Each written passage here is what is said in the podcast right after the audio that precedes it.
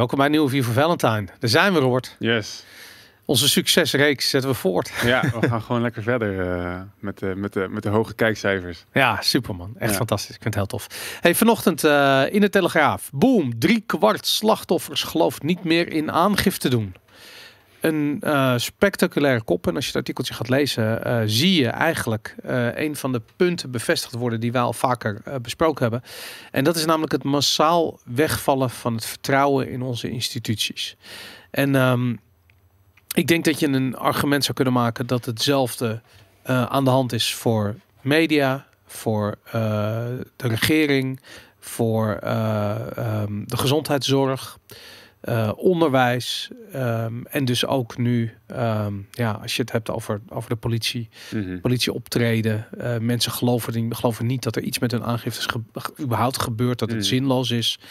Um, en ik denk dat ze gelijk hebben. Het is ook zinloos. Ja, zeggen, volgens mij klopt het ook. Ik heb een tijdje geleden uh, cijfers gezien van het oplossingspercentage van de politie OM. Dat ligt volgens mij rond een kwart van alle aangiftes die gedaan worden. Dus dat is blijkbaar dus van, van de 100 misdrijven wordt dus een kwart aangegeven. En daarvan wordt weer een kwart dus zeg maar opgelost. Dus, dus van een kwart van 25 procent, ja, pak een beetje 7,5 procent van alle misdrijven wordt opgelost. Wordt opgelost ja. ja. Dus ik denk dat het inderdaad een terecht uh, emotiegevoel is dat er weinig met je aangifte gedaan wordt. Uh, ja. Moet het toch zelf doen, denk ik. Ja, nou ja, dat is het. Uh, dat is het. Uh, dat is grappig trouwens. Ik ken een. Ik ben benieuwd. dit hebben we helemaal niet van tevoren uh, besproken, maar ik sprak een bevriende misdaadjournalist. En we hadden het over uh, het libertarisme. Mm. Uh, en wat vrijheid is en hoe dat zou moeten werken. Hoe, hoe, hoe, rechtspraak zou moeten werken onder libertariërs. En hij gaf een voorbeeld. En ik, ik heb er een tijdje mee rondgelopen. En ik wilde het tegen je vertellen. En nu, nu je dit zegt, heb ik zoiets van, ik moet, ik moet het even op tafel gooien. Een tijdje terug is er um, in een grote Nederlandse stad is een meisje verkracht. En dat meisje was van, um, uh, van Chinese afkomst. Haar familie heeft vrijwel direct, het was duidelijk, de daders waren uh, twee uh, broers, uh, waren Marokkanen. En die familie van het meisje, die hebben um, geen aangifte gedaan bij de politie, zoals ook dit artikel doet vermoeden. Maar ook omdat de Chinese gemeenschap behoorlijk gesloten is. En ze dingen liever zelf oplossen. ze hebben, um, er is vrijwel direct een huurmoordenaar uit Hongkong ingevlogen naar Nederland. Uh, die is op zoek gegaan naar de jongens. En uh, aan het eind van het verhaal heeft de familie van die jongens... die hebben 150.000 euro mm. schadevergoeding aan de familie van het meisje betaald. Mm. En daarmee was de zaak afgedaan en de huurmoordenaar is weer naar huis vertrokken. Mm. Als libertariër, wat vind je daarvan? Ja, even denken. Ik denk dat eh, als ik praat zeg maar, over zelf oplossen, dan in eerste instantie dan bedoel ik uh, dingen als zelfverdediging en uh, nou goed, weet je, het voorkomen van het probleem. Niet, ja. niet van uitgaan dat de politie het oplost. Dus je, je, bent zelf verantwoordelijk voor je bescherming van je lijf en goed. Ja. Ik denk dat, dat als je dat doet als vrouwen meer, mensen überhaupt meer bewapend zijn, dan voorkom je dit soort zaken. En vervolgens, mm. maar goed, wat doe je inderdaad als je uh, een conflict al hebt gehad uh, ja. in de libertarische wereld. En er zijn, uh, David Friedman heeft er ook veel over geschreven in Machinery, Machinery of Freedom. Hmm. Um, ja, ik, ik, het mechanisme is natuurlijk wel heel interessant, want je, er komt dus een dreiging het is lastig, want je moet wel weten dat iemand iets gedaan heeft, zeg maar. Dus, dan, ja. dus je gaat nu het, het heft in eigen hand nemen. Maar er stond in dit geval was dat niet echt helemaal discussie over. Hmm. Zowel de daders als het slachtoffer uh, blijkbaar was iedereen van, van, van de, het, werd uit, het was duidelijk, dit is gebeurd. Mm En mm. Um, ja, dat werd ook verder denk ik niet ontkend. Want ik kan me voorstellen als je een discussie daarover krijgt, oké, dan wordt de zaak ingewikkeld. Precies, ja. Dat, dat is het hekele punt, denk ik. Zeg maar, je, moet, je moet een soort van uh, scheidsrechter hebben die gaat bepalen. Dus normaal gesproken een rechter. Maar wat je in Nederland ziet is dat het OM eigenlijk alle zaken voert voor de slachtoffers. En dat moet je niet hebben. Je moet zelf gewoon een, uh, een zaak kunnen aanspannen. Uh, um, en het liefst bij een onafhankelijke um, scheidsrechter, of dat nu een rechter is of een ander uh, arbiter, dat, dat doet er dan even niet toe. Dat is hier wel gebeurd. Want die huurmoordenaar is natuurlijk niet, dat was niet even de neef van die ouders. Mm -hmm. Daar is een organisatie voor ingezet. Dus ze zijn gewoon naar de maffia gegaan en hebben gezegd van mm -hmm. we hebben dit probleem. Maar is die onafhankelijk? bedoel, of is het gewoon van ja, je krijgt, je krijgt uh, 50.000 euro om dit nou, te doen en dan doen we het gewoon? Die zijn absoluut niet onafhankelijk, maar die zijn geldgedreven. Mm -hmm. En uh, valt er geld te verdienen met afpersen, zullen ze dat ook doen. Mhm. Maar in dit geval um, denk ik dat de, het winstoogmerk te maken had met daadwerkelijke schuld. En dat is natuurlijk, in, ook al is het een morele schuld. Mm maar dat is natuurlijk het domein waar deze discussie zich in, in bevindt. Mm Dus die, die, die maffia uh, ik heb geen idee hoe het gaat hoor, maar ik kan me voorstellen dat je dan bij de Godfather thuis komt en je, je, je legt uit wat er gebeurt. Dus nou, hij praat met, dus met een heese stem. En uh, hij zegt dat hij het misschien wel kan oplossen. wetende dat er een grote kans is dat of de ondernemende vader betaalt voor die zaak, mm -hmm. of de, de daders de, da de, de moord afkopen. En hoogstwaarschijnlijk beide. Dus er is een duidelijk winstoogmerk. Uh, in het beste geval heb je de, de beste uitkomst is de meest rechtvaardige in dit geval. Namelijk een situatie waarbij ze allebei akkoord gaat, gaan met de uitkomst. En het grappige is, dat lijkt op hoe proof of work werkt voor Bitcoin. Het is totaal anders en veel decentraler. Maar het idee dat je een derde partij hebt die alleen maar belang heeft bij de best mogelijke uitkomst. Mhm. Uh, is interessant. Mhm. En dat is hoe onze rechtspraak totaal niet werkt. Mhm. Want er is geen financiële incentive voor een rechter, bij wijze van spreken. Niet dat dat er altijd moet zijn, want je wil niet dat rechters omgekocht worden. Maar waar het, mij, waar het mij om gaat, is dat eigenlijk als twee partijen bij elkaar komen en eruit komen met elkaar van oké, weet je, die jongens hebben dat geflikt. Uh, er, er is sprake van een moreel, morele schuld. Die moet uh, voldaan worden. Die wordt voldaan in dit geval door 150.000 euro te betalen. En daarmee is de kous af. Dat, daarvan heb ik zoiets van ja, dat is een. Het is, uh, het is heel krachtig, weet je, omdat het, het voelt als een. Um, ja, het voelt als gerechtigheid. Want je moet je voorstellen wat er van uitgaat. Wat voor signaal er van uitgaat. Weet je, ik bedoel, het tegenovergestelde. Stel je doet aangifte bij de politie. Er gebeurt niets mee. Het is een vrijbrief om dat vaker te doen. Uh, um, ja, weet je, bittere hmm. ellende. En stel ze al worden die jongens gearresteerd. Dan uh, volgt er drie jaar later een keer een rechtszaak. Ja. Zijn ze honderd keer vrijgelaten. En ze krijgen, weet ik veel, 40 uur taakstraf. Ik zeg maar ja. Met andere woorden, het hele signaal wat er van uitgaat is van hier kom je gewoon mee weg. Het dondert allemaal helemaal niks meer. Mhm. Versus dit. soort mhm. van, oké, ga je familie opzadelen met een, uh, met, met een schuld van 150.000 euro? Mm Ben het overigens wel met je eens van het moet, je moet wel zeker weten dat het daadwerkelijk gebeurd is. Ja, want dat, dat tweede deel is inderdaad, daar ben ik het helemaal mee eens. Inderdaad. Mijn hoofd ging inderdaad naar twee, ehm, naar twee aspecten. Dus naar de schuldvraag en um, de, dus de straf die je krijgt. Inderdaad, en ik denk dat het goed is dus dat de slachtoffers dus inderdaad compensatie krijgen. Die, die krijgen de gerechtigheid. En dat vind ik dus zo krom aan ons systeem, wat in Amerika iets beter werkt.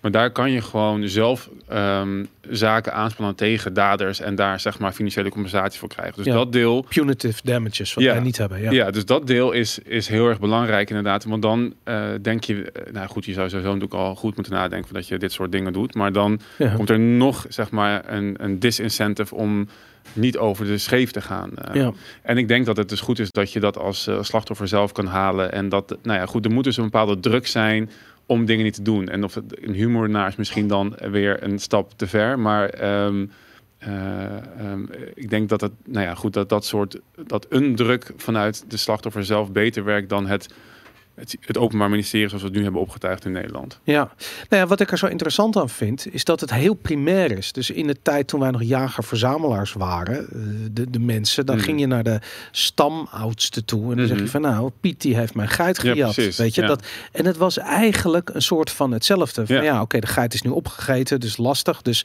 maar er is een morele schuld, die vertaalt zich tot, weet ik veel, betaling van X of whatever. Het wordt rechtgezet. Ja. Dan is er recht gesproken. Mm en dat, ehm, eh, dat is al zo oud als de mens is. Ja. En daarom vind ik dat, dat ja, ja, ik weet, daarom heb ik zoiets van dat, dat ergens het resoneerde bij me, omdat ik het aan de ene kant zo krankzinnig idee vind dat je zo'n stap zet om dit te doen. En aan de hmm. andere kant ook zo fucking logisch. Omdat, Wat ik er namelijk zo fascinerend aan vind, is dat het eigenlijk twee gemeenschappen zijn. Het Chinese denk ik nog meer dan Marokkaanse gemeenschap. Die heel erg buiten het systeem opereren. Mhm. Weet je, dus de, uh, ja, ze lossen liever dingen zelf op onderling. Je gaat niet zo snel aangifte doen, Mhm. want het is zinloos. Je wordt, je wordt gestigmatiseerd en gediscrimineerd en weet ik veel. En voordat je een keer je zaak serieus genomen wordt, ben je al, weet ik veel, ben je al vijf jaar verder. Als je überhaupt al uh, je in staat bent om uh, in gebroken Engels of wat dan ook duidelijk te maken wat er nou precies aan de hand is. weet Mhm. je? Want ja, weet je, veel ouderen spreken gewoon niet eens Nederlands. Dus dat, uh, dat, wordt, dat is lastig. Ja, het, het, is een, het is ook heel natuurlijk inderdaad. En wat David Friedman ook vaak beschrijft, is dat je dus... Het is namelijk decentraal. Dat is denk ik een beetje het ding. Want nu hebben we alles gecentraliseerd. Dus ook de rechtspraak. Je gaat naar een, een onbekend loket. Mensen hebben totaal geen, geen feeling met jou als persoon, als mensen. Geen idee over situatie, hoe jij je voelt. En dat heeft zo'n stamoudste had dat wel vroeger. Ja. En wat hij ook zegt van ja, in een, in, in een ideale wereld zou je dus naar die rechtspraak weer veel meer op de mens organiseren. Waarbij je naar een stamoudste of gewoon een een ingehuurde arbiter, zeg maar, waarbij de partijen um, die zien als onafhankelijk, die dan inderdaad recht gaat spreken. In plaats Ja. van inderdaad een, een, een centralisatie van macht. Van wat je dus ook weer ziet, uiteraard, is dat op het moment dat dingen gecentraliseerd zijn, of nou in de media is, inderdaad, of, uh, of in het bedrijfsleven, of in de rechtspraak, dan gaat de politiek zich ermee bemoeien. Ja. Dat gaat vergroeien. En dan ga Ja. je gewoon belangenverstrengelingen krijgen. En gaat het niet meer om de slachtoffers Ja. uh, maar om wat uh, de, de, leider van, weet ik veel welke politieke partijinstantie uh, Ja. daar dicht tegenaan zet. Ja, zo, inderdaad. Zodra uh, recht wordt gesproken door de overheid, is het politiek. Mhm. En dat zien we nu natuurlijk ook gebeuren. Ja. Wat het in principe niet zou moeten zijn. Mhm. Maar wat we zagen met, uh, wat was dat, met de avondklok, uh, hooggerechtshof, uh, wat gewoon een poppenkast was. Ja. Alle geloofwaardigheid Mhm. weg. En dat vind ik ook hier, weer hier dus inderdaad drie kwart slachtoffers geloof niet meer een aangifte doen. Het is, um, ja, we staan gewoon aan de vooravond van gewoon het ineenstorten van het vertrouwen in al onze instituten. En dat, ja, de gevolgen daarvan zijn denk ik heel groot. Mhm. Goed, laten we het over Mono Keizer hebben. Want um, ja, ik denk dat dat toch wel een beetje het onderwerp is van afgelopen week. Ja, of misschien um, even kijken of, wat, wat de volgorde Misschien Rutte die beveiligd moet worden. Ja, wat opeens als donderslag bij heldere hemel het Ja. verhaal dat Rutte dat iemand een moordaanslag voorbereidt. Ja, maar misschien is Keijs inderdaad wel dan de aanleiding daarvan. Toch, eh, ja, ik maakte het ja, sprongetje ja, te vanzelfsprekend Ja, misschien. precies, inderdaad, ja. Dat moeten we wel even uitspreken. Ja, Dat- ja, dat is dat. Dus dat. Nee, eerst. Dus, dus wacht even Robert, jij gelooft eh, dat eh, de vermeende bedreiging of dreiging voor Rutte een afleidingsmanoeuvre is voor de eh, zaak Mona Keizer.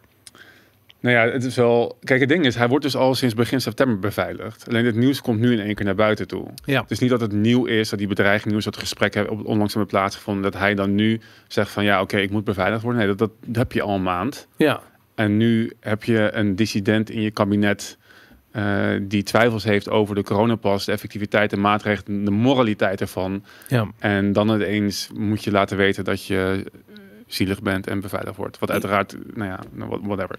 Ja, maar dat, eh, eh, het, het, het, laat ik zo zeggen, het werkt als je het hebt over mainstream media. Want opeens had het AD en de Telegraaf, en god weet wie allemaal hadden wat om over te schrijven.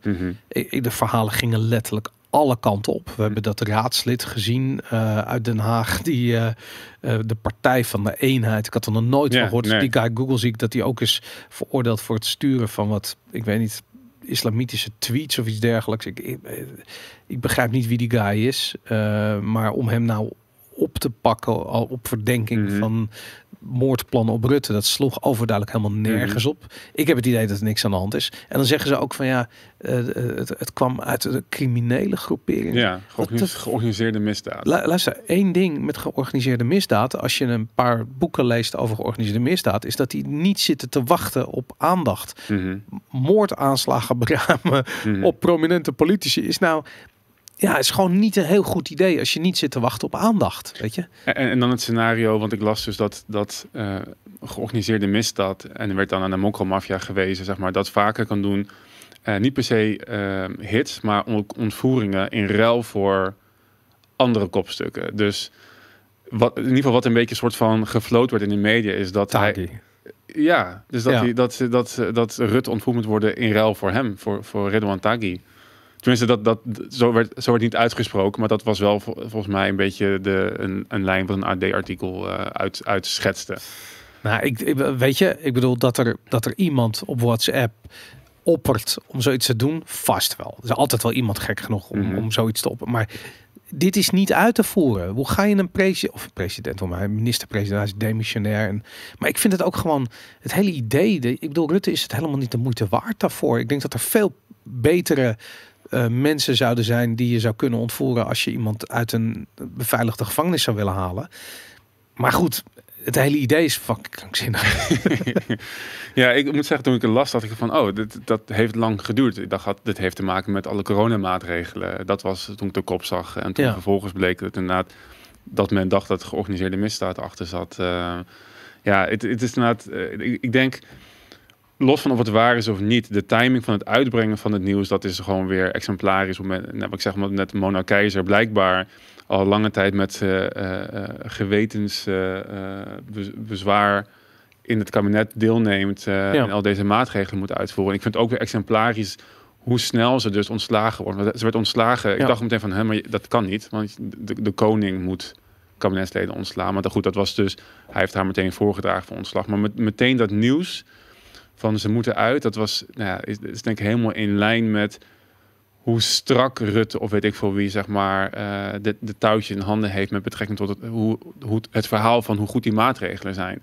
Ja. Niemand mag, er mag geen, geen twijfel mogelijk zijn over de maatregelen en de effectiviteit en de moraliteit ervan. Maar, maar de, ehm, aan de ene kant klonk het argument van ja, zij is onderdeel van de regering, dus je praat niet tegen de regering. Dat was de kritiek op haar. Aan de andere kant heb ik zoiets van, daar zijn vast wel voorbeelden van in de geschiedenis te vinden. En ik moet zeggen, ik heb een beetje gegoogeld en ik vond op een gegeven moment iets, of eigenlijk iemand die noemde dat zoiets eerder is voorgekomen in 1975 voor het laatst. Dus het is wel degelijk lang geleden. Ehm, tenminste, de, wat volgde, wat zo ernstig was dat het, dat ontslag volgde. Het enige is, dat gaat helemaal langs de ministerraad. Dat, dat is niet een kwestie van en nu eruit. wat, wat Rutte deed, Mhm. dat kan helemaal Mhm. niet. En ik vind het raar, want Mona Keizer is jurist, dus die zou dat moeten weten. Dat, dat, niet, dat ze niet zomaar ontslagen kan worden door eh, Ja. Rutte. Maar die wil denk ik het juridische gevecht gewoon niet aangaan. Nee. Het is natuurlijk gewoon, want het gaat niet meer om wat juridisch klopt, maar het gaat allemaal om beeldvorming. Ja, En zeggen, ja, deze beeldvorming ga ik niet, eh, niet winnen. Dus ik, ehm, En ik heb gelezen dat ze misschien ehm, haar hand overspeeld heeft of niet gedacht heeft dat haar uitspraken tot dit resultaat zouden gaan leiden. er, er was ook nog een verhaal dat zij van plan was om een groot interview te geven en zelf op te stappen. Ja. En in dat interview uit de school te klappen over wat een corrupte bandit in Den Haag is. Mm. En hoe die coronapas er doorheen gejast is. Mm. Zonder dat ook maar iemand het daarmee eens is. Mhm. Ehm, en dat dit eigenlijk een beetje haar het, het gras voor de voeten heeft weggemaaid. Ja, maar ja, ja, dat- aan de andere kant, wat let haar om alsnog dat interview te geven? Ja, precies. Niks. Nu is helemaal de weg vrij om dat, eh, om dat Ja. te doen. Ik hoop dat ze het gaat doen. eh. Ik ook. Nou, ik had ergens zoiets van. Ik vind het jammer dat ze de strijd niet aangaat. Omdat ik denk dat zij. Zij was ook een van de supporters van Omtzigt. Eh, waarom slaat ze niet met hem de handen ineen? Ik bedoel, het is gewoon weer een zetel erbij voor de Partij van. Ja, Want zij heeft ook haar Tweede Kamerzetel opgegeven. Ja, dus daarom. Ze zegt ook dat ze stopt met de politiek. Ze blijft lid van het CDA. En voor mij in haar statement stond dat eh, ze het, eh, zeg maar, het christen, de, de christendemocratie een hart, een, een warm hart toedraagt. Ja. En wat je zag, volgens mij net na de ehm, week na vertrek van omzicht in de peilingen van Maurice de Hond, is dat in een, als hij wordt meegenomen, zijn partij, zou die 25 zetels halen. Dus één keer is één keer gepeld. Van jammer dat hij niet, niet is blijven peilen. Maar 25 was echt bizar veel Ja. waar hij wegtrekt. Als Mona Keizer nu weggaat met haar zetel Ja. eh, en naar omzicht gaat, ja, dan is CDA denk ik gewoon gedaan. En ik blijkbaar ehm eh, v- vindt ze dat te spannend en wil ze wel die partij nog ehm, en hun gedachtegoed in de Kamer houden. En ik weet dat, dat, dat omzicht een beetje diezelfde tweestrijd had heel lang. Van ja, ik, ik wil gewoon, Klopt. weet je, liever CDA dan VVD, zeg maar. Ja. Dus als, je, als ik wegga, dan trek ik die partij onderuit. Dat wil ik niet. Uiteindelijk is dat nu toch eh, buiten zijn wil om gebeurd. Ja. En ik denk dat Keizer er in ieder geval nu nog voor kiest om te zeggen... nou oké, ik wil niet de, de doodsteek aan het CDA geven. En ik, ik zeg dat ik nog blijf. Of ik blijf ook gewoon nog. Ja. En ik eh, laat het daarbij misschien zitten. En misschien dat ze daarom juist wel inderdaad dat interview over hoe corrupt het is moet gaan geven. Want dat is natuurlijk vooral op het konto van, de, van Mark Rutte en de VVD. Nou, ook Hugo de Jong en het CDA. Ik denk dat daar hetzelfde aan de hand is. Hmm. Maar ik ben met je eens dat, dat, dat Rutte dit al tien jaar aan het bouwen is natuurlijk. Mhm. En dat, uh, maar ja, het CDA doet er al tien jaar aan mee. Dus wat Ja. betreft, uh, ja, Ik vraag me ook af wat de hand is van Rutte in het aanstellen van Hugo de Jonge. Want ik vind het totaal niet een... Wat net nog over... Dat Rutte weet hoe je de media moet bespelen. Hij weet hoe, die beeld, hoe beeldvorming werkt. Hoe je narratief zeg maar, kan, kan eh, vastleggen. En Hugo de Jonge is niet zo'n media-genie als hij dat is. En, en maar ik denk dat dat expres. Ik, wat ik Ja, denk is precies. dat Rutge heeft. oh, Ru- Rutte, Rutte. Rutte heeft eh, eh, belang bij het onhandig en klungelig zijn van de jongen. Ja. Omdat Mhm. de jongen straks onderuit gaat met zijn hele corona-narratief. en Rutte kan zijn handen ervan aftrekken en zeggen van ja, maar dat was echt Hugo de Jong hoor. Dit, wa- Mhm, dat was coronabeleid. Ja. En eh, oh ja, het OMT, eh, Marion eh, eh, Koopmans, de kippendokter, mag ook vertrekken. En dat was haar schuld. en hij, het ligt allemaal niet aan hem. Ja. Terwijl hij met zijn World Economic Forum tasje wel degelijk de lijnen heeft uitgezet. Mhm. Ja, nee, dat gaat gebeuren. Hij gaat weer ermee wegkomen. Mhm. En ik denk eerlijk gezegd, als je die peiling, als je dat, als je die peiling moet geloven, dat de VVD, eh stel dat we nu verkiezingen zouden hebben, gewoon echt nog twee zetels erbij krijgt. Mhm. Dat is daaraan te danken dat hij, hij, hij manoeuvreert zich gewoon net buiten het zichtveld van die coronamaatregelen. Hij doet er ook op een manier over, ja, ik kan er ook niks aan doen. Weet je, dat is Mhm. een beetje, ja, we doen de zorg en bla, die, die onzinargumenten die die dan een beetje, maar hij gaat er ook niet echt op in. Hij is, hij is wat dat betreft, kijk, je moet hem dat meegeven. Dat, daar is hij echt ontzettend goed in. Hij is echt een meester manipulator. Mhm. En hij, eh, hij is een meester van de beeldvorming. En wat dat betreft beter dan Trudeau, beter dan, dan Macron. Eh, hij, is, hij is echt iemand die dat tot in de puntjes beheerst gewoon. En ik, Mhm. zelfs ook met deze, eh, met, die, met dat rare verhaal van die dreiging van hem. Dat hij, hij heeft heel lang, dus persoonlijke beveiliging heeft hij afgewezen. Dat wilde hij niet. En nu opeens werd hij gedwongen om dat toch te doen. Dat is een heel ander beeld dan iemand die bibberend achter de geraniums zit, eh, eh, naar buiten te turen met, met, met drie politiebusjes voor de deur, bij wijze van spreken. Dus hij, ook daarin, dat hij de beeldvorming weer prachtig, een soort van, oké, hij, hij is gewoon een gewone jongen die op zijn fiets naar Mhm. zijn werk gaat en niks gaat. Weet je, een beetje de Peter R. de Vries eh, is die, eh, bij wijze van spreken, weet je. En ja, nee, dat is hij niet, maar... Denk je dat ze nog ergens anders voor gaan gebruiken dan eh, ehm, zeg maar de, de coronamaatregelen? Want je krijgt natuurlijk ook weer discussies over ehm, de aanval op de rechtsstaat. Dat gebeurde toen eh, die, die advocaat werd omgelegd en natuurlijk later ook eh, Peter R. de Vries. Ja, Van ja, onze rechtsstaat is in gevaar. En ook, ook trouwens, journalisten was ook zeg maar een met Peter R. de Vries. Dat, zeg maar, Baudet werd soort van aangekeken dat hij ehm, journalisten eh, ervan langs gaf op Twitter. En daarmee zou Oké. bijdragen aan een klimaat eh, oh waar, ja, ja, dat waar, is even, ja. waar journalisten zeg maar. eh, Theo Hiddema heeft dat heel goed onderuit getrapt. Volgens mij bij. Jinek of e op Hmm. één of weet ik vijf van die programma's. Dat, Maar denk je dat dat zeg maar dat is natuurlijk wel het, het- dat is nou, nu niet het narratief, maar wordt dat ook nog een narratief van eh, we hebben meer repressie nodig, want de rechtsstaat is onder aanval en drugscriminelen die eh tieren welig, dus nog meer controle, surveillance en dat soort omgaan. Nou, ik denk het niet. Om, om het volgende, dat die. Het lijkt wel alsof die agendapunten niet uit. Die komen niet uit Nederland. Die komen ook niet uit Frankrijk. Die komen ook niet uit Australië. Al die punten komen uit de hele tijd vanuit dezelfde, vanuit dezelfde hoek. Weet je, je ziet ook eh, als er bijvoorbeeld, eh, nu zien we dat, zie je dat met Bitcoin bijvoorbeeld, dat eh, Bitcoin wordt door rechts of ultra-rechtse figuren gebruikt. Ik zeg maar wat. En dan zie je dat in allerlei landen zie je dat tegelijkertijd allerlei persartikeltjes zie je dat terug. Het is gewoon één persbericht wat verstuurd wordt en het wordt door iedereen opgepakt. Mhm. En ik denk wat dat betreft, dat, die, dat narratief komt niet uit Nederland. Dus ik denk dat dat soort, als er dan in Nederland een soort van een of andere opportunity zich voordoet, om, om, dan kunnen ze dat niet eens. Daar, daar, daar is het apparaat niet op ingericht. Maar als er zometeen de cyber pandemic eh, Mm. van Klaus Schwab uitbreekt, wat hij al in een treur heeft aangekondigd dat dat gaat gebeuren. Ehm, ja, dan denk ik dat er in Nederland al een heel plan klaar ligt om dat dan naar Nederland te vertalen en hier Mhm. uit te rollen. En hier ook, weet ik veel, login met je coronapas op Twitter en Facebook Mhm. te realiseren, zodat je niet meer anoniem gebruik kunt maken van die platformen. Zoiets zit er aan te komen. Dus, Mhm. ehm, maar dat, gaat dat gaat echt niet vanuit Nederland komen. Er zitten hier niet mensen die dat soort narratieven kunnen construeren eh, en vervolgens in beleid kunnen omzetten. Dat gebeurt allemaal vanuit, eh, vanuit, vanuit Klaus Schwab headquarters, denk ik. Ja, dat ook dus inderdaad vragen. Maar we hebben het natuurlijk heel vaak over ehm, zeg maar de, de, grotere ehm, bewegingen, inderdaad, de internationale organisaties, maar eh, en over ze.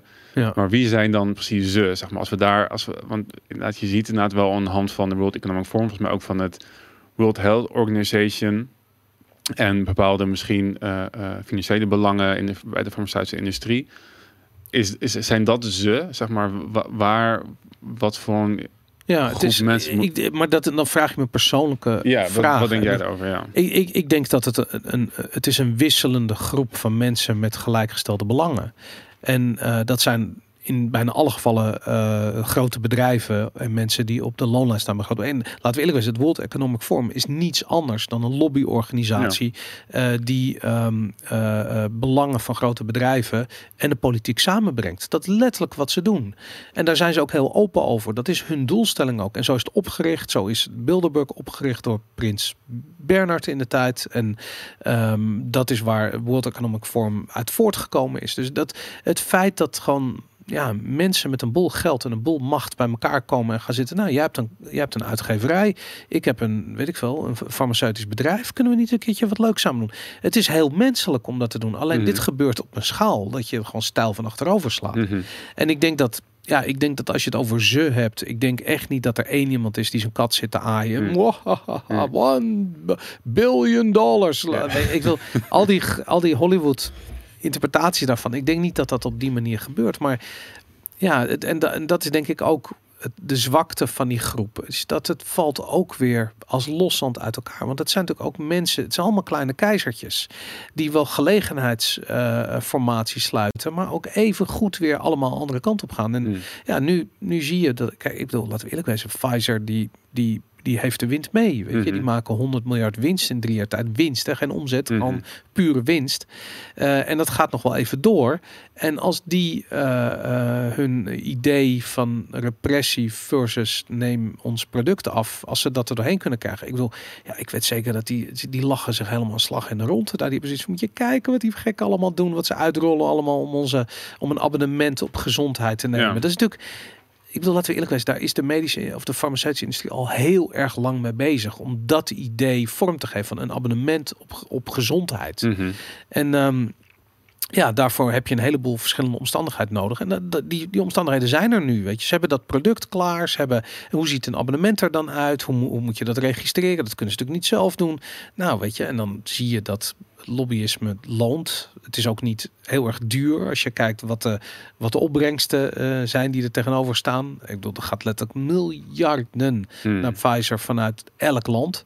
Um, ja, dus daar kunnen ze ook wel wat uh, een paar honderd miljoen stuk slaan op, uh, op, op, op, op lobby, in, de, in de lobbycratie als het ware. Dus ja, ik denk dat dat. En, en, dan totdat er op een gegeven moment een ander probleem is, waardoor de, die coalitie uit elkaar valt. En dan is het als sneeuw voor de zon weg. Hmm. Dan, uh, ja, Ik, ik, vind het echt bizar, want we hebben volgens mij in aflevering 4 ergens al gepraat over je vaccinabonnement. Ja.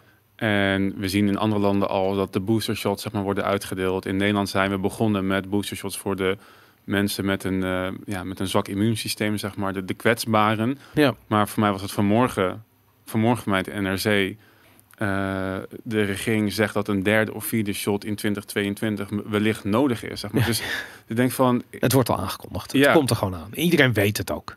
Net, dat vraagt me dus af. Ik weet het niet. Ik had, ik had, ik had ik, kan er, ik merk dat ik zelf zeg maar ook niet meer helemaal bij kan dat, dat die dingen gewoon volgens plan soort van uh, uitgerold worden. Dat ik zelf, we hebben het eerder gehad over dat moment dat je beseft dat de overheid misschien niet het beste met je voor hebt, dat er een, vorm van, bepaalde vorm van desillusie ja. plaatsvindt, je moet je wereldbeeld gaan aanpassen. En ondanks dat we, dat we nou ja, allebei sinds 9-11 al heel kritisch kijken naar wat er gebeurt, merk ik dat ik elke keer denk van het gaat wel hard en het gaat wel snel. En dan nu toch inderdaad praten over die, over die booster shots. Ik ben ook verbaasd best over mensen die het vaccin gewoon genomen hebben in mijn omgeving. Omdat ze denken dat, er, dat, dat het echt nodig was, zeg maar. En ik ben verbaasd over de mensen die zich erin hebben laten weaselen. Die zeggen van ja, want dan kan ik weer dit en dan mag ik weer dat. Ja, dat zijn er heel veel. Dat zijn, die vind ik nog logischer eigenlijk. Want dan denk ik, ja, ja omdat je dan blijkbaar de afweging heb gemaakt van oké, dat vaccin, ik, het zal wel niet gewoon echt puur gif zijn. Dus ik, dat vertrouw ik wel. En dan kan ik tenminste gewoon weer reizen en, en, en, en leuke dingen doen. Weet ik Die vind ik nog logischer dan de mensen die het echt gedaan hebben, om te denken dat het, dat het gewoon een virus is waar je uh, heel makkelijk dood aan kan gaan. Maar die, ja. En ik weet niet hoe groot die, die groep is. En de groep die zegt van ja, ik ga, ik doe het gewoon voor het gemak. Uh, want dat zou betekenen dat zij dat die tweede en derde shot misschien ook wel makkelijk gaan nemen die nu aan zitten komen. Maar het, het is zo'n makkelijk verdienmodel geworden inderdaad, dat je nou gewoon elk jaar dus twee... Je, jij hebt letterlijk gezegd, om het half jaar moet je een prik gaan halen in ja. de aflevering. En dat, dat, zie je nu dus gewoon gebeuren. Ja, dat is ook, dat gebeurt ook. Ja, dat plan lag er al. En, en dan, en dan, uh, dus, dat, dus dan krijg je dat. En vervolgens zag ik een artikel over dat ze nu in Alkmaar en Breda het makkelijker willen maken. Want iedereen moet elke keer zijn test laten zien, zo'n codetje. Weet je wat, we gaan polsbandjes uitdelen omdat je gewoon kan zien dat je een QR-code hebt. Zeg maar. dat, is, dat is zo fucked up. Ja. Op zoveel verschillende Ja, maar, precies. Maar ook dat ze geel zijn.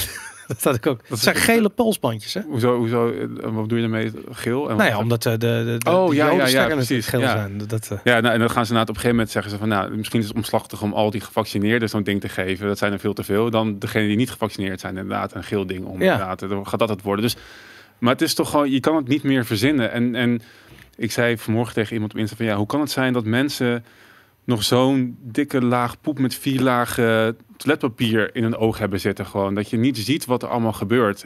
Ja. En, en nou ja, um, en, en nu zijn het nou, nu gaat het over, over vaccinatie, maar de, de, de CO2-budgetten die, die hoor je ook alweer erachter uh, vandaan. Ja, maar komen. dat is de, kijk, en dat, dat is eigenlijk het stomme van dit onderwerp. Uh, het is allemaal al lang aan elkaar geknoopt. We hebben Arno Wellens, uh, die heb ik net een tweet een aantal tweets zien plaatsen over het feit dat uh, die coronapas eigenlijk een Europees patiëntendossier is.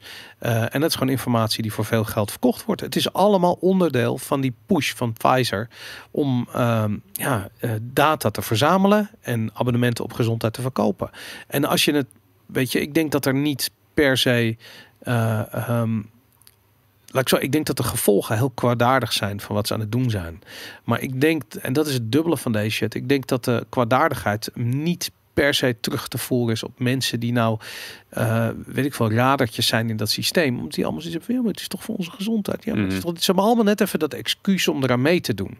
Weet je, en in zijn totaliteit is het een monster van een, van een, van, het wordt er echt een monster gecreëerd. Mm -hmm. En uh, waar we nooit meer vanaf gaan komen. En ja, weet je, en als je dan al die kleine onderdeeltjes bekijkt, dan is het gewoon, het is behoorlijk vakkundig in elkaar gezet. Mm -hmm. En dat, ja, en dat, dat denk ik wel van dat als je dan uit gaat zoomen en gaat kijken wat zijn de grotere drijfveren hierachter.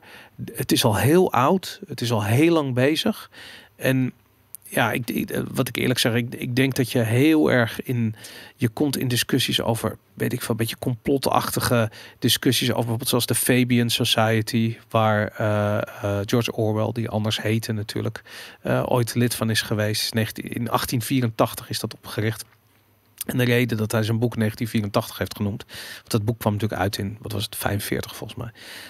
Um, is omdat het exact 100 jaar na de oprichting van de Fabian Society is Mm. geweest. Mm. Nou, dat is een marxistische organisatie met als doelstelling het, een wereldhegemonie. Mm. En hun, hun, ja, hun logo is ook letterlijk een schildpad. Ze bewegen zich heel langzaam om een doelstelling te bereiken. En daarin zie je gewoon van ja, de, de oudheid van de ideeën versus hoe dat dan, daar is heel lang over nagedacht. Maar dat vind ik wel interessant wat je zegt inderdaad, het is heel oud.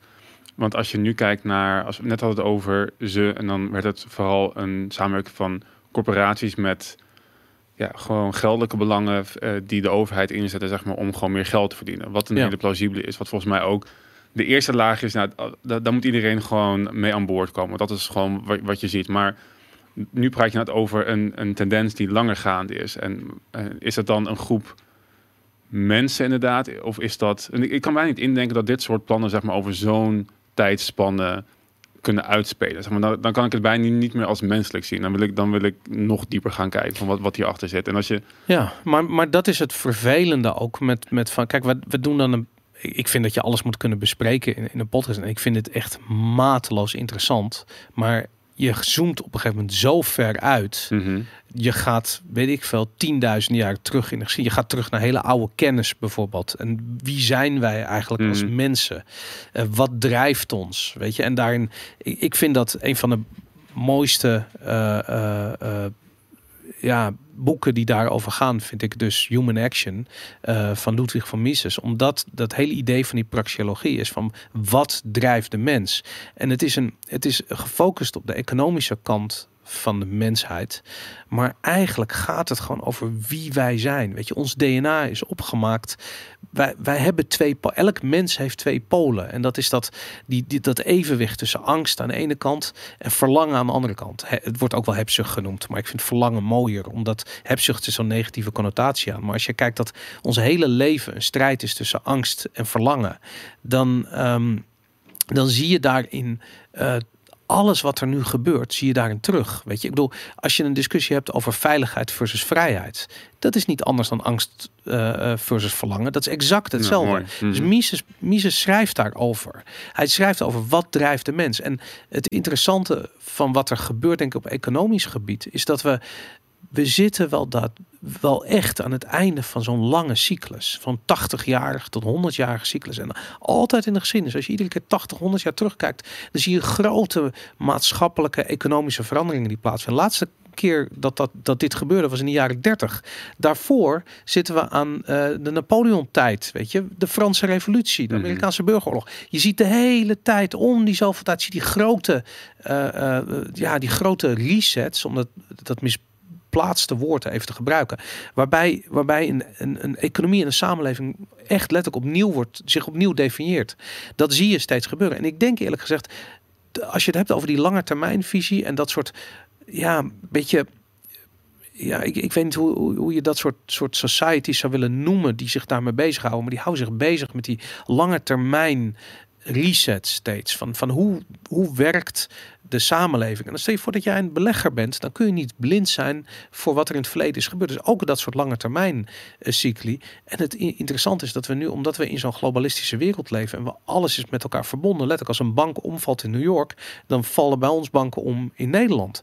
En dat idee dat alles met elkaar verbonden is, maakt zo'n zo'n lange, uh, het einde van zo'n long cycle extreem gevoelig. Dus de, wat je nu ziet is die crackdown op dat narratief. Weet je, ik bedoel, de, de, de, we hebben te maken met censorship. We hebben te maken met uh, uh, letterlijke repressie van andersdenkenden.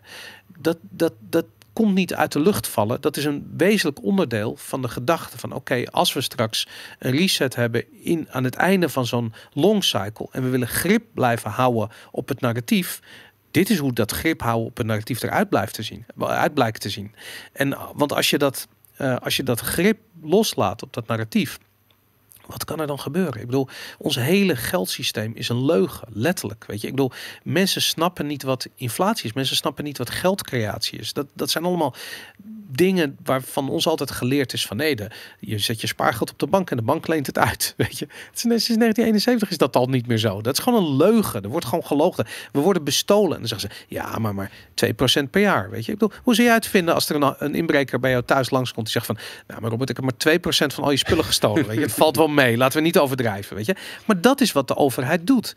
En omdat dat het hele systeem wat op schuldig drijft niet kan bestaan zonder geldcreatie, zonder hoge inflatie. Want anders kan ik die rente op die schulden niet meer aflossen.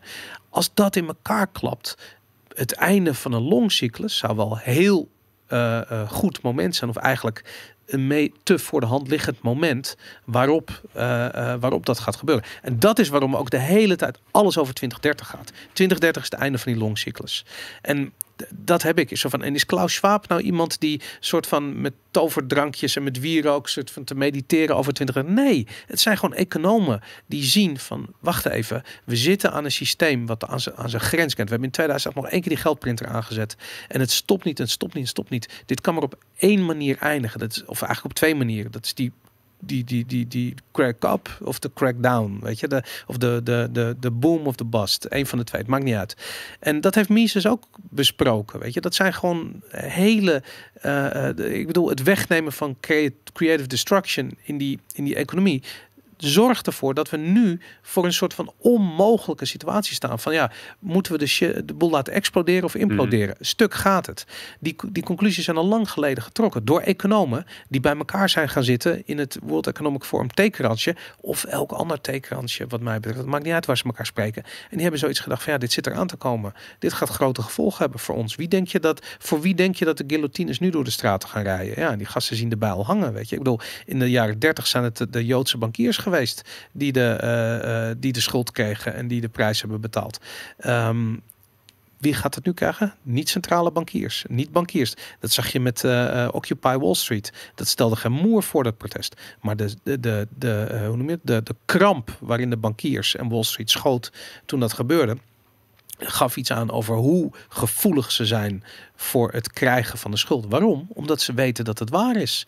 Die hele ellende is gecreëerd met of is ontstaan door geldcreatie. Dat hebben zij gedaan. Dat is Wall Street. Dat is die bubbel die opblaast. Maar, maar, maar dan. Sorry, ik ben helemaal in bos aan het gaan in deze rant. Ja. Maar ja, want ik. Je, ehm, je, je, je zijn een aantal dingen. Dus één, het is mens eigen dat je twee polen hebt, zowel angst als verlangen. Ja. En zeg je nu ook van die twee, vanuit eigenlijk die dynamiek ontstaan die cycli. Ja. En, en, om, en uh, nou, mensen als de Fabian Society en andere uh, um, um, belangenorganisaties, uh, mensen hoger op. Ja, het is moeilijk om daar een woord voor te verzinnen. Ja. De, de Illuminati, die. de Secret Society. Ja. Die, die, die zien dat ook, maar die maar die regeren vanuit angst. Dat is ook wat je zegt. Zij zijn geleid door angst, volgens mij. Ook daar, angst en hebzucht. Angst en verlangen. Ja. Nee, maar ik zit samen, wat ik niet in dit plaatje nog naar op zoek ben, is zeg maar de, de, de lange termijn sturing. Want ik zou op zo'n positie niet gaan voor het geldsysteem wat we nu hebben. Als ik een beetje mijn onderzoek doe, mhm dan wil ik een harde geldstandaard hebben. Ik wil, ik wil hard geld hebben. Ja. Een goudstand of bitcoin of whatever. Maar wie ben jij op dat ogenblik? Als, als burger spreek je? Nee, dus als, als, uh, als, als Klaus Schwab en mijn kat en ik wil zeg maar dingen aansturen over hm. lange termijn. Want daar hebben we het nu over. Want maar waarom zou je dat willen? Waarom zou je een hard geldstandaard willen hebben als je profiteert van de geldcreatie?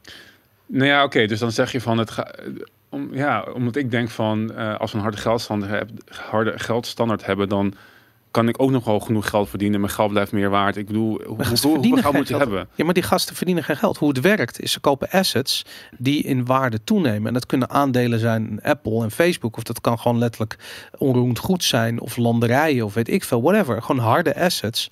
En die, naarmate je meer geld creëert en je dus steelt van de koopkracht van de bevolking, komt dat er bij jou bij. Maar je, dat je de harde assets hebt. Misschien is het gewoon mijn, mijn, mijn abundant mindset. Ik denk er is genoeg voor iedereen.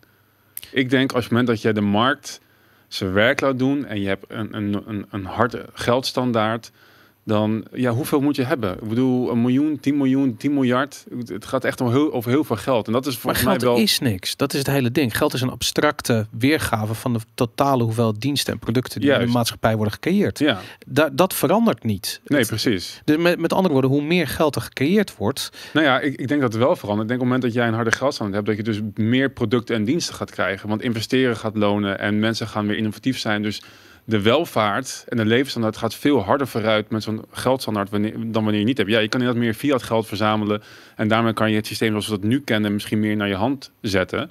Maar dat is volgens mij niet de, het, het, uiteindelijke doel. Tenminste, dat maar ik ben het met je eens. Dat, dat, dat, ik vind ook dat het zo werkt. Alleen ik denk dat als je dat wil doen, dan moet je daadwerkelijk iets produceren. En je moet omschakelen van een systeem wat op schulden gebaseerd is. Ik bedoel, mhm. je moet je voorstellen, wij, als je nu een scholier vraagt uit zegt wat wil die? En die zegt van ik, ik wil een huis kopen, even los van of dat wel of niet kan.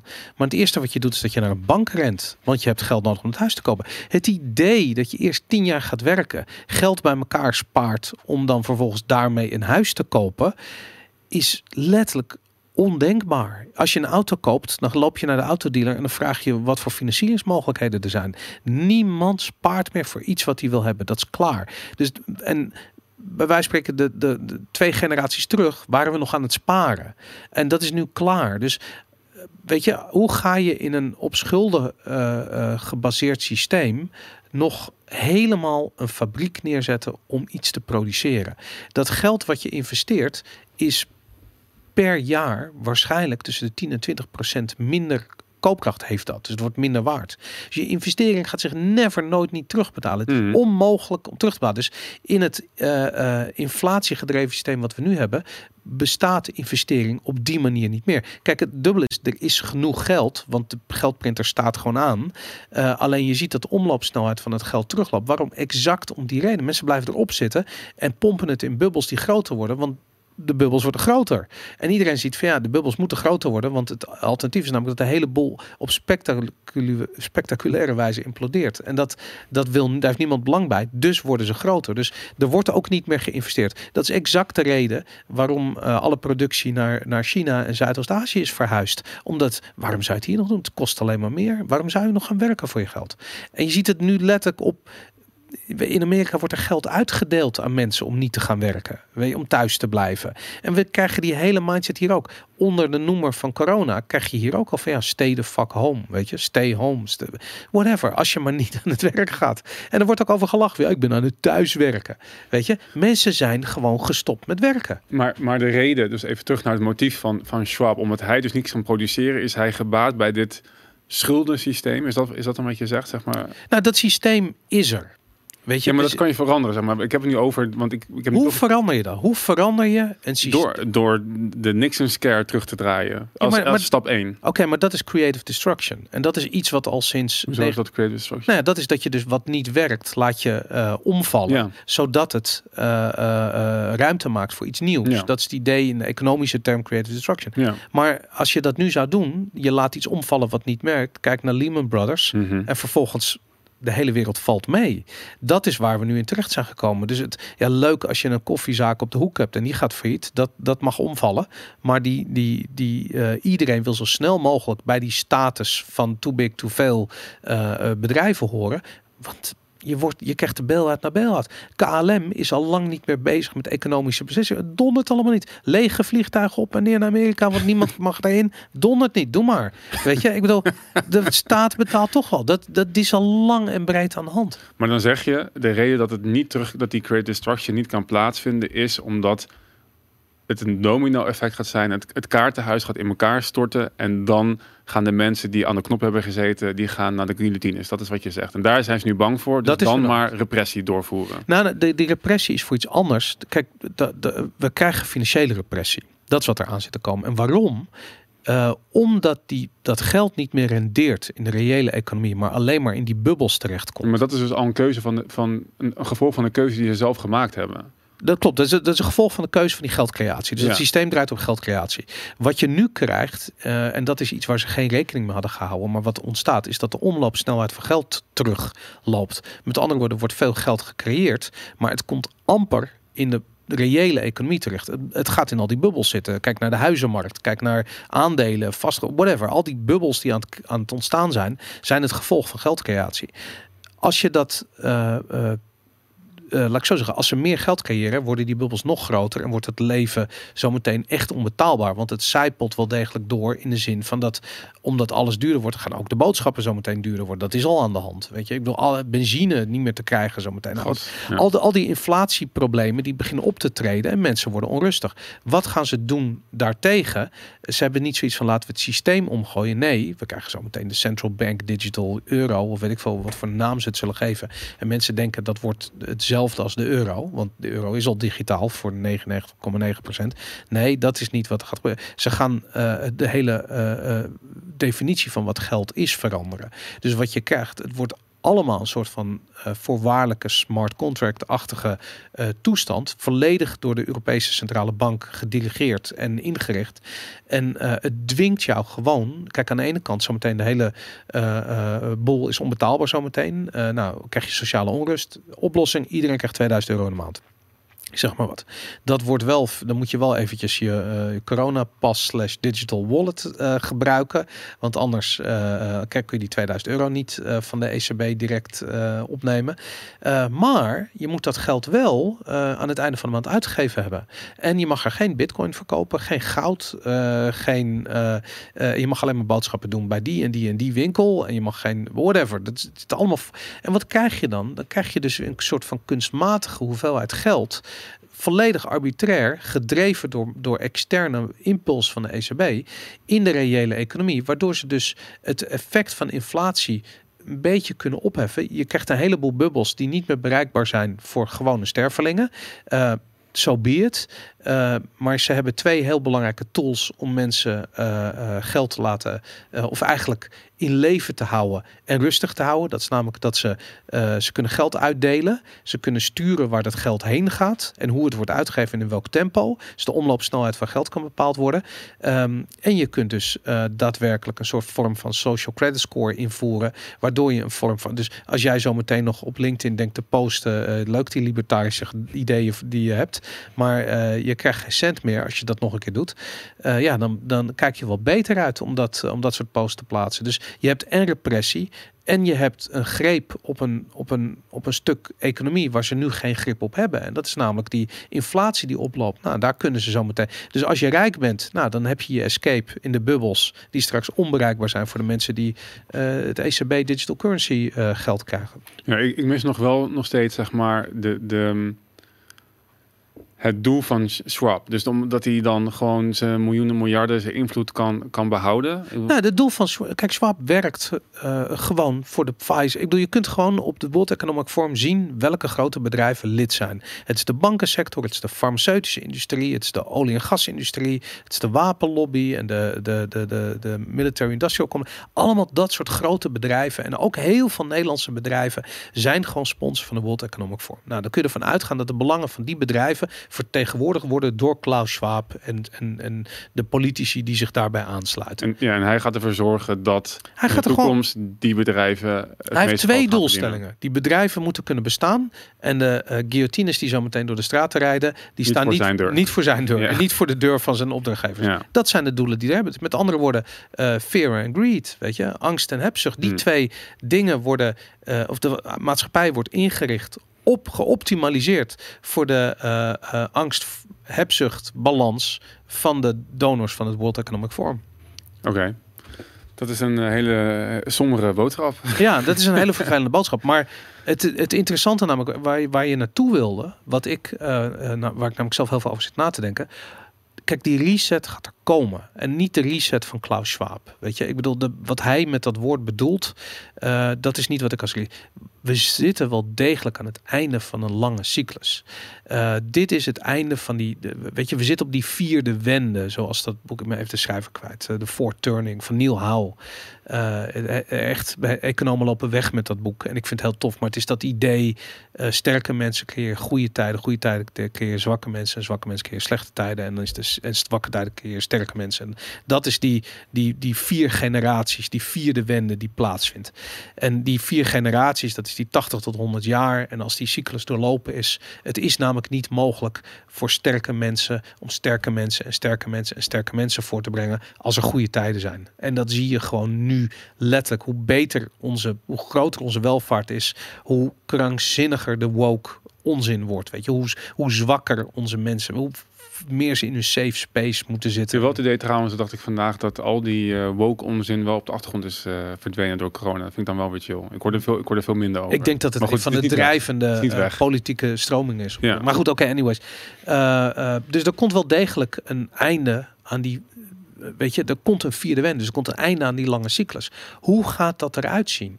En als het dan niet het scenario is van Klaus Schwab, want hij zegt letterlijk, hè, hij zegt niet van dit is wat er gaat gebeuren. Hij zegt dit is mijn oplossing voor dit probleem. Dit is de Fourth Industrial Revolution. Hij noemt het uh, uh, ook letterlijk zo, weet je. Het is die vierde cyclus waar hij, hij kijkt terug naar de geschiedenis en dan ziet van hoe zien die long cycle resets eruit. Hoe zie, weet je, we hebben de industriële revolutie. Over het algemeen, het gaat gepaard met bittere ellende, weet je. Tweede Wereldoorlog was de laatste keer. Maar wat komt er uit voort? Wat is er vorig jaar uit voortgekomen? Bretton Woods, en uh, eigenlijk de, de, de, de, de economie zoals, zoals de wereld er nu uitziet, is daaruit voortgekomen. Nou ja, afhankelijk van of je in het Midden-Oosten woont of hier woont, heb je een ander beeld of dat succesvol is, ja of nee. Maar um, in ieder geval, die, uh, uh, we staan weer op zo'n punt. En hoe ziet dat eruit nu? En dat vind ik het interessant van. Oké, als je dan niet meegaat in Klaus Schwab's Fourth Industrial Revolution, wat dan wel? Hoe ziet ja. dat eruit? En dat is, kijk, ik ben een bitcoiner. Dus mhm. wat mij betreft loopt de bubbel, onze gigantische oorverdovende schuldenbubbel die we hebben, die moet leeglopen ergens naartoe.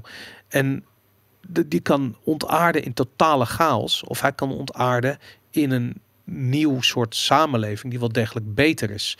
Dus of je krijgt repressie en uh, uh, we, we, zetten het systeem voort. Dat is wat Klaus Schwab eigenlijk doet. Dus die, we, we, we, we, bekrimpen, we gaan die schuldenberg niet kleiner maken. Nee, we gaan je vrijheden kleiner maken. En de geldprinter blijft gewoon gaan. Of je zegt van nee, we gaan, we gaan vol on uh, voor de vrijheid. Um, en dat betekent dat we de schuldenberg uh, moeten terug. Dan moeten we af van die schuld op schuld gebaseerde economie. Hoe, hoe stap je af van een op schuld gebaseerde economie? Zonder dat de ene helft er vandoor gaat met alles wat er is en de andere helft in de, in de afvoerput verdwijnt. Dat betekent dat we dus niet meer moeten kijken naar onroerend goed, naar um, uh, uh, land, naar uh, ja, natuurlijke resources, goudmijnen, weet ik, al die dingen die over, over zo'n reset hun waarde blijven behouden. Je moet dus kijken naar wat is er nieuw en kunnen we met z'n allen omarmen, zodat we nog redelijk gelijkwaardig aan elkaar zijn als we die, uh, die reset ingaan. En het betekent niet dat we uh, soort van uh, alle al het bezit moeten herverdelen. Daar heb ik het niet over. Want dat is juist dat marxistische gedachte waarop Klaus Schwab zijn. Nee, het gaat erom van wat je nu hebt. Hoe kun je dat meenemen over zo'n zo'n zo'n zo'n einde van zo'n cyclus heen. En dat is het mooie aan Bitcoin. Bitcoin is dat, is daarvoor ontworpen. Het is dat die nieuwe asset class die bijna niemand nog begrijpt en daarom iedereen in kan stappen. Nu het nog kan. Als heel Nederland bij wijze van spreken morgen een Bitcoiner is en zijn spaargeld in Bitcoin heeft zitten, heb je dus een, een, een, een volk wat veilig is voor die uh, voor die overgang naar die nieuwe cyclus. En er is een historisch voorbeeld hiervan. En dat is Zwitserland.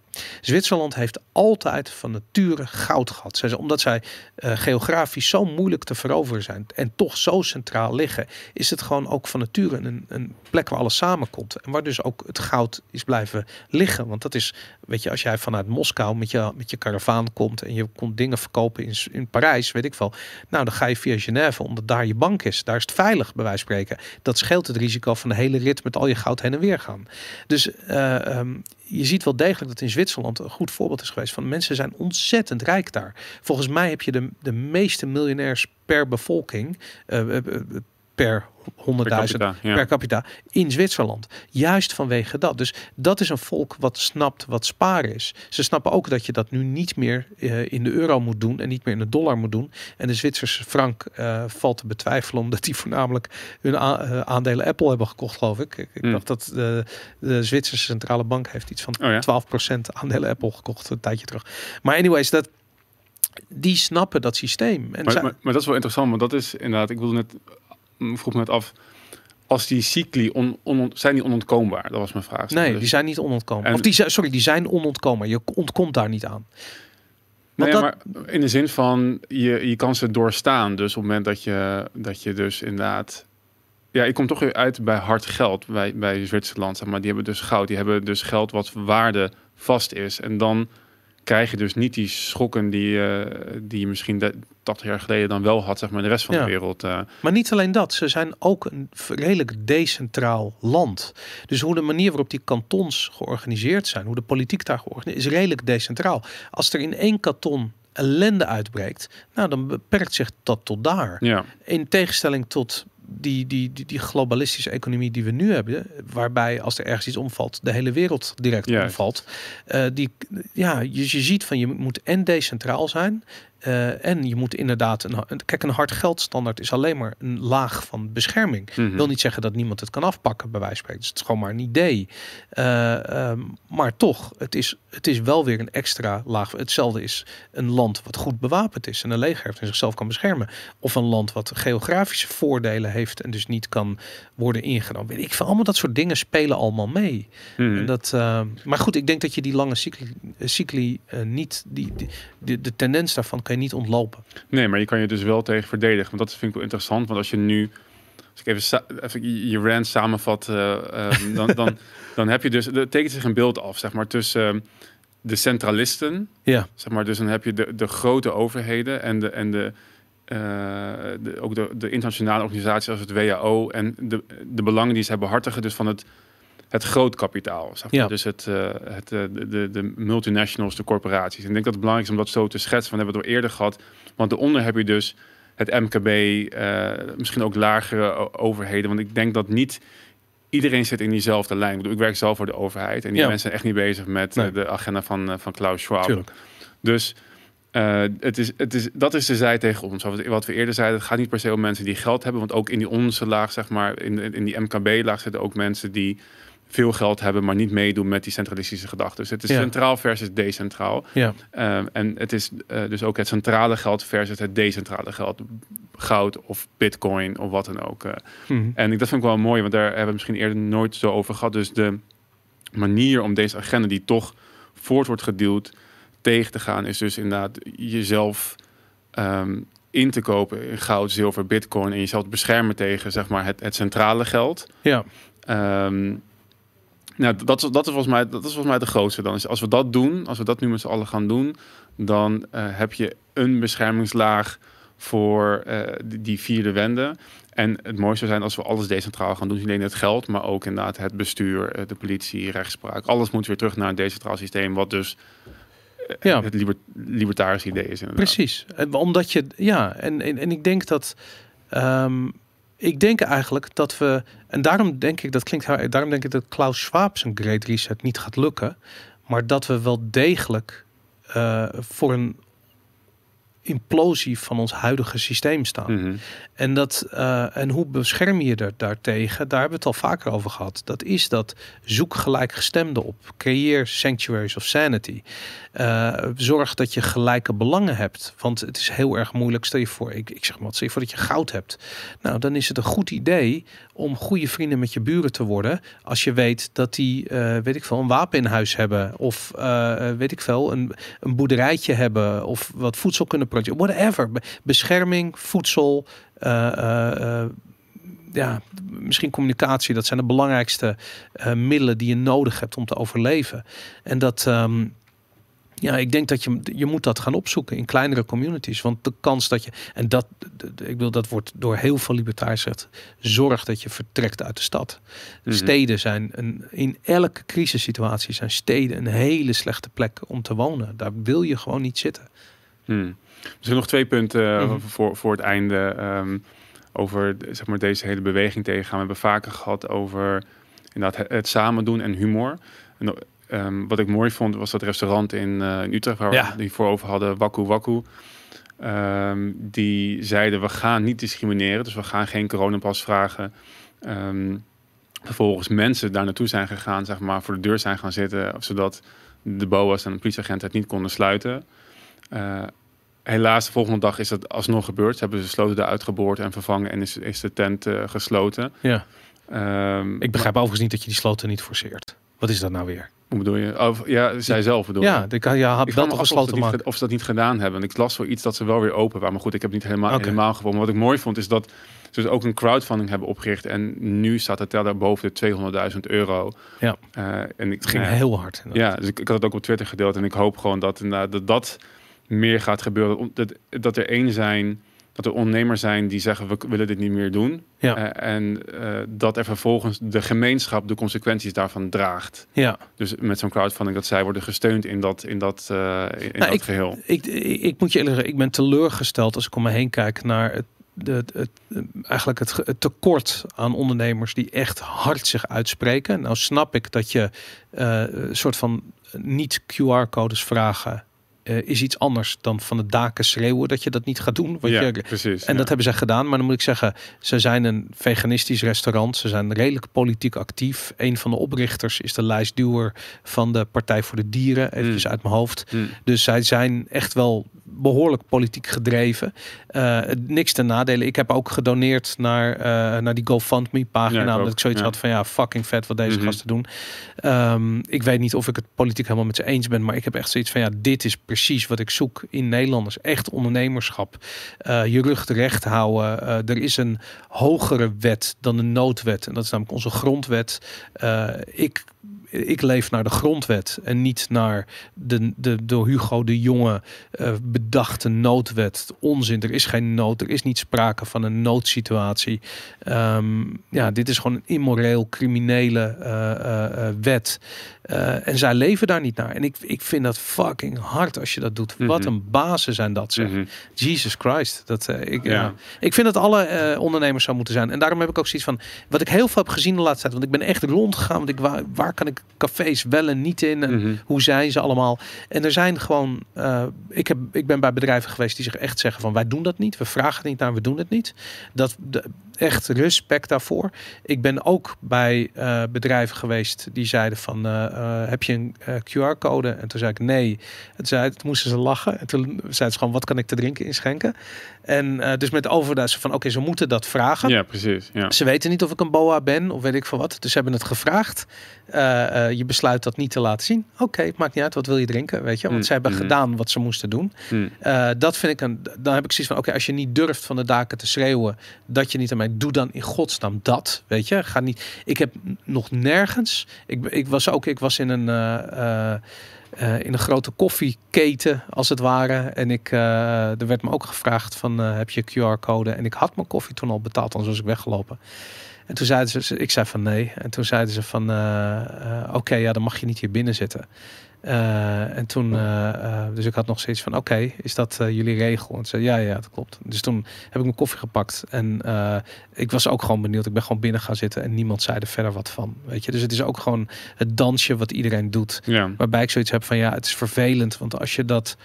er zit iets hypocriets in. En dat vinden die mensen zelf ook, denk ik. Dus... Ik denk dat er weinig mensen zijn die het echt vanuit een, zeg maar, overtuiging dat het werkt en dat het echt moet dit handhaven. Ja. En dat maakt het ook weer heel zwak. Ja. En ik denk dat het nou het goed is dat er mensen zijn zoals Wakku Wakku die zich naar het uh, publiek uitspreekt. Maar je ziet dat iedereen die dat doet, die wordt aangepakt. En het was ook, ik zag op de Instagram van Nadia Duinker, eh, die uh, ook anti-corona-activiste, zeg maar, ja. ondernemer in Amsterdam, ja. Um, hoor ik een onderneemster, die liet een, een, een, chat zien van een van de handhavingsclubje op WhatsApp, die zei van, we gaan niet handhaven, Alleen als er echt excessen zijn, als, echt, als het helemaal uit de hand loopt en het heel duidelijk zeg maar, de regels aan hun la laars lappen, dan gaan we handhaven.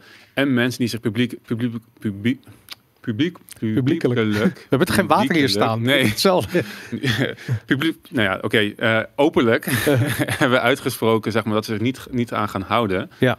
Uh, die moeten we ook gaan aanpakken. Ja. Dus ik snap dat de mensen inderdaad zijn. Uh, ik bedoel, zij zitten ook al anderhalf jaar, zeg maar met heel weinig inkomsten, onzekerheid zijn helemaal opgedroogd. Ik ken mensen die, die inderdaad een, uh, een horecatent hebben en zeggen... ja, we hebben al onze reserves er doorheen gespeeld. Dus dat moet je ook rekening houden. Deze mensen hebben ook gezinnen en moeten zichzelf onderhouden. Dus als je het niet openlijk doet, nou, doe het dan hopelijk inderdaad uh, gewoon als mensen komen. Je zegt, nou, oké, kom maar gewoon binnen.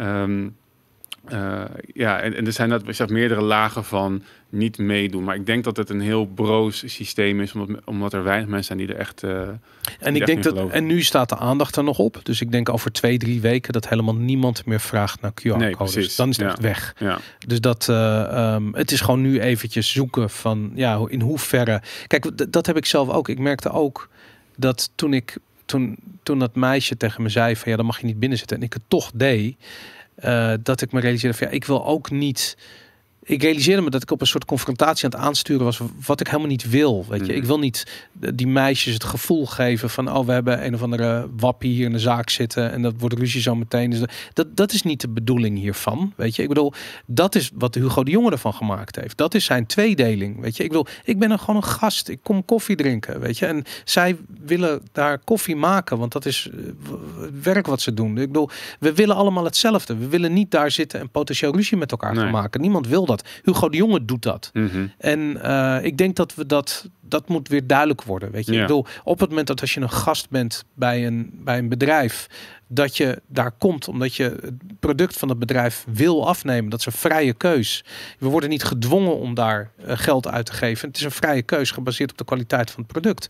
En omgekeerd exact hetzelfde. Weet je, die mensen hebben trots in het maken van het product en die willen die koffie graag uh, aan iedereen verkopen omdat ze geloven dat het goede koffie is. En Dat is de essentie van die business. Weet je, dat is de essentie is niet laten we ruzie gaan maken hier in een koffietent. Niemand wil dat. En uh, ik, ik, heb een beetje ook zoiets van ja, ik vind het gewoon. Ik, ik dacht eerst van nou, ik ga er gewoon zitten om, om die brug te bouwen. En ik realiseer ik bouwde helemaal geen brug. Weet je, ik was alleen maar een stelling aan het innemen. Mm -hmm. En zij achter de balie waren een andere stelling. En we waren allemaal aan het doen alsof er niet iets ongemakkelijks was, wat er wel was. Weet je, dus ik heb gewoon zoiets van ja, dat, dat is het ook niet, man. We moeten gewoon ja, er moet over gelachen worden. De domheid ervan moet weggelachen worden, weet je. En dan is het gewoon, dan is het weg, fuck it. Dat is een mooie brug naar mijn laatste punt. Want ik, ik heb je een stukje clip doorgestuurd van uh, rapper Han, Hans Klok. Ja, kijker, hij, hij volgt van ons. de podcast. Ik heb met hem uh, zitten berichtjes sturen oh, nice. op, ja, ik vind dat, op, op, op, Instagram. Ja, en, baas. En, en hij heeft zo'n, wat hij doet is precies eigenlijk wat mensen moeten doen. En dat